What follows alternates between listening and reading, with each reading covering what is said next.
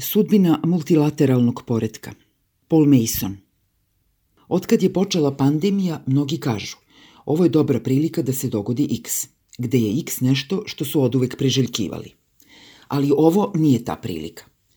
Do sad smo krizu izazvanu koronavirusom uglavnom tumačili iz dva ugla, epidemiološkog i ekonomskog, i u oba slučaja slika je bila sumorna. Verujem da isto važi i za pogled iz perspektive geopolitike. U sledećih nekoliko sedmica zdravstveni sistemi Britanije, Sjedinjenih država i Španije stići će do tačke pucanja, tačke koju je zdravstveni sistem Italije već dostigao, to jest pašće ispod društveno prihvatljivog nivoa trijaže i tretmana i ljudi će početi da umiru usled nedostatka zdravstvene nege. Uskoro se može očekivati i širenje bolesti na siromašne zemlje globalnog juga. To će biti prilika za ispoljavanje svih oblika dobre volje i duha saradnje među ljudima – ali to će otvoriti vrata i za nekoliko negativnih scenarija. U najgorem slučaju, globalni poredak bi mogao doživeti slom. Eksperti za bezbednost identifikovali su tri nestabilne države koje se mogu raspasti pod pritiskom epidemije jer su im zdravstveni i upravljački sistemi već načeti ili sasvim disfunkcionalni. To su Iran, Sirija i Severna Koreja. Među pomenutim zemljama, za sad se samo Iran nalazi u ozbiljnoj krizi, pogoršan sankcijama Sjedinjenih država i reakcijama mula, koje najbolje opisuje fraza pesnika Vijeć Odna o diktatorskom lupetanju staraca. Ukoliko se državna uprava u Severnoj Koreji nađe u krizi, verovatno će ju pomoć priteći njen gigantski saveznik Kina. U Siriji, podeljenoj na tursku i rusku interesnu sferu, takođe se može naslutiti put do stabilizacije – Problem je Iran, regionalna supersila, okružena zemljama koje su iz verskih ili političkih razloga prema njoj neprijateljski nastrojene, sa stanovništvom od 81 miliona ljudi koji već pokazuju znake revolta. Nestabilnost ovih i drugih država ne bi bila problem kad bi Sjedinjene države pokazale makar i privid onog liderstva na koje su polagale pravo od kraja drugog svetskog rata – ali to nije slučaj.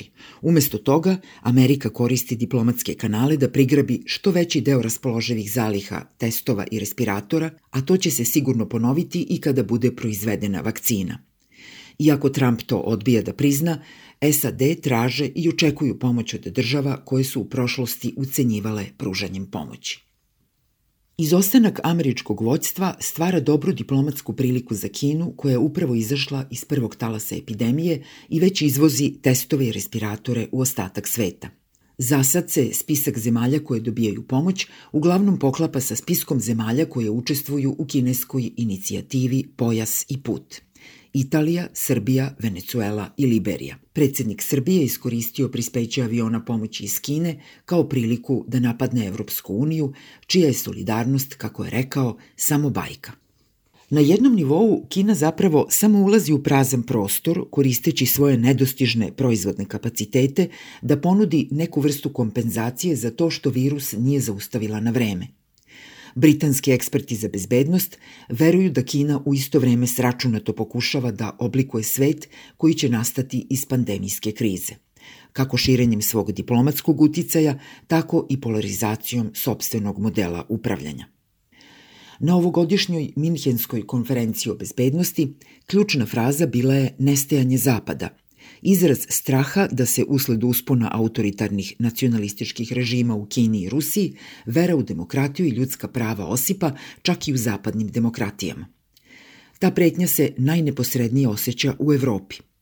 U martu prošle godine Evropska komisija je opisala Kinu kao zemlju koja je istovremeno partner, ekonomski konkurent i sistemski rival koji promoviše alternativne modele upravljanja. Ako kineska politika zatvaranja ugroženih područja, koju uspešno mogu sprovoditi jedino autoritarne države, daje dobre rezultate, dok Trump donosi odluku da ignoriše moguću smrt jednog miliona Amerikanaca da bi sačuvao vrednost akcija na berzama, milioni ljudi širom sveta će izvući određene političke zaključke – mogu zaključiti da se Zapad kao koncept raspada i da njegova visoko komercijalizovana i fragmentirana društva više nisu sposobna da se zaštite ni od virusa slepog miša, a kamoli da grade globalni poredak. Takođe, nemamo ni dovoljno vremena da o svemu potanko razmislimo. Ruska državna televizija je ove sedmice saopštila gledaocima da se Evropska unija praktično raspala, prikazujući snimke kontrolnih punktova i ograda od bodljikave žice. Prema izveštaju Evropske službe za spoljne poslove, fabrikacija dezinformacija o koronavirusu u režiji Ruske države i državnih medija dostigla je industrijske razmere. Ruskoj publici virus je predstavljen kao oblik strane agresije, dok se u obraćanju gledaocima programa na engleskom, španskom, arapskom i italijanskom ruska propaganda fokusira prvenstveno na teorije zavere o tome kako globalne elite koriste pandemiju za ostvarivanje sobstvenih ciljeva, piše u tom izveštaju. Primeri propagande koja se može dovesti u vezu sa medijskim kućama pod ruskim uticajem, dokumentovani u bazi podataka Evropske službe za spoljne akcije, uključuju i sledeće. Virus se prvo pojavio u Letoniji, stvoren je u laboratoriji, napravljen je da bi zapadne sile spasile svoje privrede štampanjem novca. Neki Amerikanci su oboleli još u septembru, ali Sjedinjene države su prikrile tu informaciju. Koronavirus je proizvod liberalizma. U pitanju je biološko oružje koje je stvorila Amerika da bi smanjila broj stanovnika na planeti. Kao i u svim kampanjama širenja dezinformacija, cilj je da se pojačaju tenzije koje već postoje, da se poljulja poverenje građana u sobstvene lidere, kao i njihova posvećenost slobodi govora i ljudskim pravima.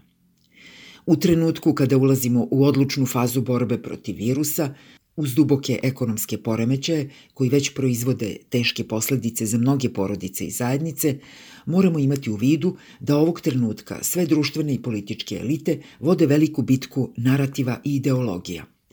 Ishod te bitke će oblikovati ne samo pojedinačne zemlje, nego i njihove relativne pozicije u svetu.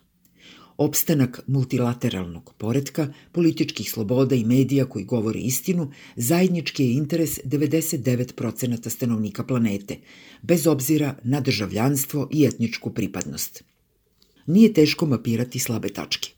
Sjedinjene države imaju predsjednika zavisnog od lažnih vesti, ekonomiju bez sigurnosne socijalne mreže, preskup sistem zdravstvene zaštite, postavljen da pre svega proizvodi profit i federalni sistem u kome države mogu primenjivati rivalske strategije u borbi protiv virusa. Moguće je da će pod uticaj medija kao što su Wall Street Journal i Fox News, koji traže da se mere socijalnog distanciranja odmah ukinu da bismo sačuvali ekonomiju, Trump usvojiti strategiju koja je razmatrana i u Downing Streetu, pustiti bolest da obavi svoje. Evropska unija, mada se ne raspada kao što tvrde ruski mediji, očigledno prolazi kroz krizu.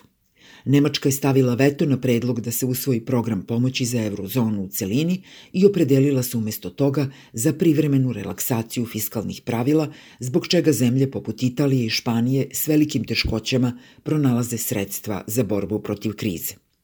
Umeđu vremenu, zemlje koje prodaju naftu odlučile su da se malo igraju kukavice sa cenama nafte. Rapidan pad globalne tražnje proizvođači su ocenili kao dobru priliku da pokušaju da jedni drugima dođu glave. Saudijska Arabija zna da Rusija ne može dugo izdržati ekonomski udar cene od 20 dolara za barel sirove nafte, ali tako usput dovodi u opasnost i druge proizvođače kao što su Venecuela i Nigerija. U svetu punom opasnosti i neizvesnosti može se očekivati okretanje rešenjima centriranim unutar nacionalnih granica. Što se tiče Britanije, kao što je racionalno insistirati da jednom kada se sve ovo završi, broj zaposlenih u NHS-u bude povećan i da se obezbedi višak kapaciteta za rešavanje epidemijskih kriza u budućnosti, tako je logično graditi i industrijske kapacitete za proizvodnju vakcina, respiratora i medicinskih zaliha. Isto važi za lance snabdevanja prehrambenim proizvodima, pa i za financije. Ako udruženi napori Ministarstva financija i Centralne banke ne zaustave odliv kapitala iz Londona i pad funte, vlada može, kao što verovatno i hoće, razmotriti kratkoročne kontrole kretanja kapitala, što je bila nezamisliva jeres otkad je Margaret Thatcher to ukinula 80. godina 20. veka. Ako sve zemlje reaguju na isti način – globalizacija će posle pandemije sigurno izgledati drugačije. U najgorem slučaju, globalni sistem bi se mogao raspasti kao početkom 30. godina 20. veka, kada su države jedna po jedna odustajale od izvršavanja svojih obaveza. Ono što bude učinjeno sada, u trenutku nezabeleženog pritiska na multilateralni sistem, odredit će obrise sveta koji nastaje u pogledu budućih saveza, trgovinskih tokova i ideologija. Glasovi autoritarnih država su snažni. Glasovi demokratskih lidera su slabi i neusklađeni. Ono što nedostaje je glas 99% onih koji posežu preko granica i neprijateljstava da bi iz razloga praktične solidarnosti u borbi protiv bolesti izgradili svetski poredak utemeljen na saradnji, poredak koji će prioritet dati ljudskim životima, prosperitetu i blagostanju.